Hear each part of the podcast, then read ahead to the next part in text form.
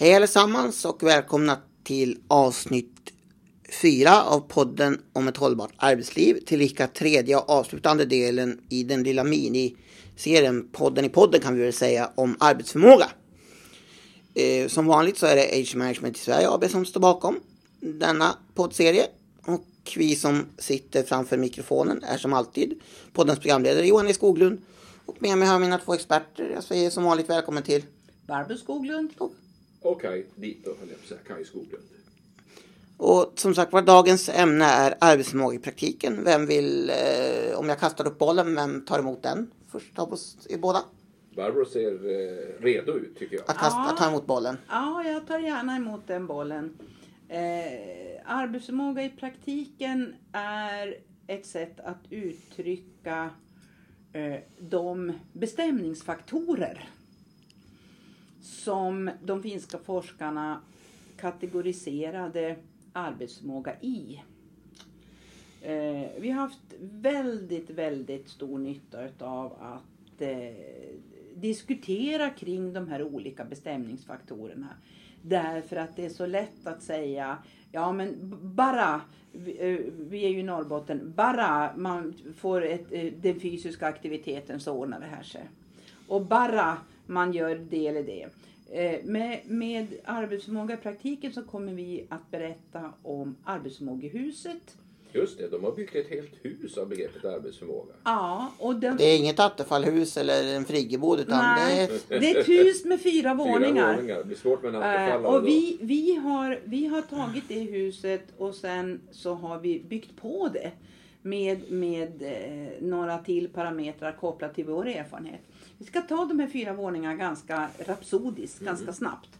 Basen, alltså grunden i det här huset är en persons, nu är det här arbetsförmåga, det är arbetslivet, det är bara det det är frågan om. Det är inte en massa samhällsfaktorer, familjefaktorer som påverkar, utan vi är i arbetslivet. Eh, den fysiska kapaciteten som jag har som, som person och min mentala kapacitet. Nästa, Mitt nästa. arv kan man väl säga. Ja, Mina mitt arv. Ja, ja, ja. Mitt genetiska arv. Eh, som, som finns i mina förutsättningar. Svårt att påverka. Svårt att påverka. Eh, Vi vet att det finns olika åsikter om det där. Vi eh, hävdar med bestämdhet att det är mycket, mycket liten del man kan påverka i realitet. Och framförallt som arbetsgivare. Framförallt som arbetsgivare. Som individ, en annan sak. Men som arbetsgivare, definitivt. Tvåan nerifrån. Det är eh, den som vi brukar kalla för den, ja, den kompetens jag har. Eh, den kunskap och den kompetens. Och för att göra det enkelt så ser vi att kunskap är det man kan. Och kompetens är hur man utför det man kan. Alla vet att man kan ha kunskap men inte kompetens. Jag vet hur en golfsving ska se ut men jag kan inte utföra den. Det är skillnad på kunskap och Ja, kompetens. och om vi går tillbaka till, till, till min gamla bransch, skolan, utbildningen, så är det så att en lärare kan ha fantastisk kompetens i sitt, eller kunskap i sitt ämne, men brister totalt i kompetensen att förmedla dialogmässigt den pedagogiska, man kan, kan, kan, man kan kunna sina pedagogiska teorier men man har absolut inte klart för sig hur man ska interagera med sina elever för att det ska bli något resultat. Det var våning två nerifrån. Och trean, det handlar om den enskilde medarbetarens attityder och värderingar. Utifrån faktiskt med parametrar att jämföra med företagets eller arbetsplatsens värdegrunder, attityder och värderingar. Alltså eh, det här är ju en fråga som blir mer och mer aktuell idag kopplat till, till diskrimineringen. Jag har nyss läst en artikel om hur en liten skola blir där två olika avslutningar. Rektorn säger att vi alla kan inte gå i kyrkan och därför så, så har vi en, en, en eh, avslutning utanför kyrkorummet. Eh, En förälder tycker att det här är helt fel, eller några föräldrar, så att de har gjort en alternativ skolavslutning. Eh, och det här är ju det, det en, ja, de senaste 10 år, 5-10 åren kanske som det här syns. Och här har vi ju ett, då ett sätt att fundera kring de frågorna. Så kanske är arbetslivet ibland också att företaget har sina värderingar. Sen har man arbetsplatser där man har helt egna värderingar och gör det på ett annat sätt. Just det. Ja, men det ser man ju ofta i media när man, när man någon, som, någon, som, någon som känner sig dåligt behandlad av ett företag så får oftast den centrala säga att ja, det där får stå för den enskilda medarbetaren. Det här är inget som finns i våra centrala värderingar. Och, och det här med attityder och värderingar är ju någonting som har blivit mer och mer aktuellt. Jag menar, det, det finns ju knappt en, en arbetsgivarorganisation idag som inte pratar om sin egen värdegrund. Sen är det ju då eh, Eh, olika uppfattningar på hur den här värdegrunden eh, märks i organisationen och inte. Men den översta våningen då, den absolut viktigaste, den tyngsta, även om de här våningarna hänger ihop, eh, är faktiskt någonting som heter arbetets organisation. Eh, och vi är noga med när vi beskriver det här att just kalla det för arbetets organisation, alltså hur man organiserar arbetet på arbetsplatsen. Det är inte det organisatoriska schemat, det vill säga att det är uppbyggt i divisioner eller avdelningar eller förvaltningar eller kontor och så vidare. Utan det är alltså hur man organiserar arbetet på respektive arbetsplats. Och ledarskap. Det var det du och jag upptäckte när vi, Mm. när vi eh, såg det här arbetsförmågehuset och såg hel, alla de här fyra. Första gången när vi, när vi träffade, när vi läste på förstås den här artikeln som vi har pratat om i vår tidigare podd. Men framförallt när vi deltog i en seminarievecka kring eh, workability och age management för ja, 15 år sedan.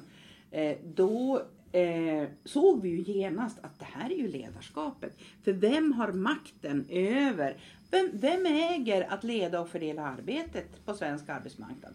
Jo, första linjens chef eh, gör det.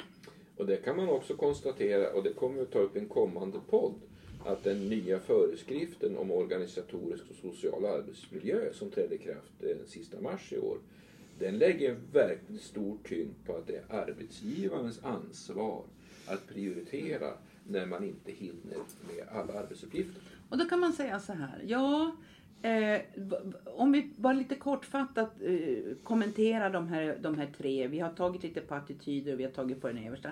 Men det här med, med kompetens, kompetensutveckling. Det vill säga nummer två, ja man har ju med sig i bagaget när man blir anställd på en arbetsplats. Man har med sig det, det, man, det, man, eh, det man har. Sen blir det eh, två i tangon brukar vi säga. Det blir en gemensamt ansvar för arbetsgivaren och arbetstagaren att arbetstagaren ska kompetensutvecklas därför att eh, en kompetens, behovet av kompetens förändras över tid. Och det här är då inte bara den ena eller den andres ansvar utan det är faktiskt både arbetsgivaren och arbetstagarens ansvar. Vi vet att den absolut viktigaste faktorn för att slå ut medarbetare från arbetslivet det är brist på kompetensutveckling. Eh, idag så pratas det, har blivit istället för att växla generation så pratar man nu i vissa sammanhang om kompetensväxling. Eh, och det har då visat sig att, eh, jag läste senast en, ett inlägg i som du Johan som är vår omvärldsbevakare hade lyftat fram, eh, ordförande för Unionen Mm. eh, är, är säger vi, kompetensutveckla medarbetaren istället för att ta in en ny. Med en, utan se till att man kan utveckla de som finns på arbetsplatsen och framförallt i en situation där det är brist på arbetskraft. Ehm, och det har seglat upp att då just arbetsgivare som använder ordet kompetensväxling kan bli en, eh, kontroversiellt ord för eh, fackliga organisationer framförallt. För det, det är så, här, vi plockar bort den och så ska vi alltid sopa in med någon ny. Att eh, kompetensutveckla är en, en, en viktig arbetsgivar och arbetstagare gemensam uppgift. Så kommer vi till den sista våningen, det vill säga botten. Nå, Okej. Eh, friskvård fixar det mesta. Ja, nu har vi ju varit på alla fyra våningarna. Eh, Så att, eh, ja, det, där kom ju nyheten nu att det är allt färre företag som erbjuder friskvård på arbetstid.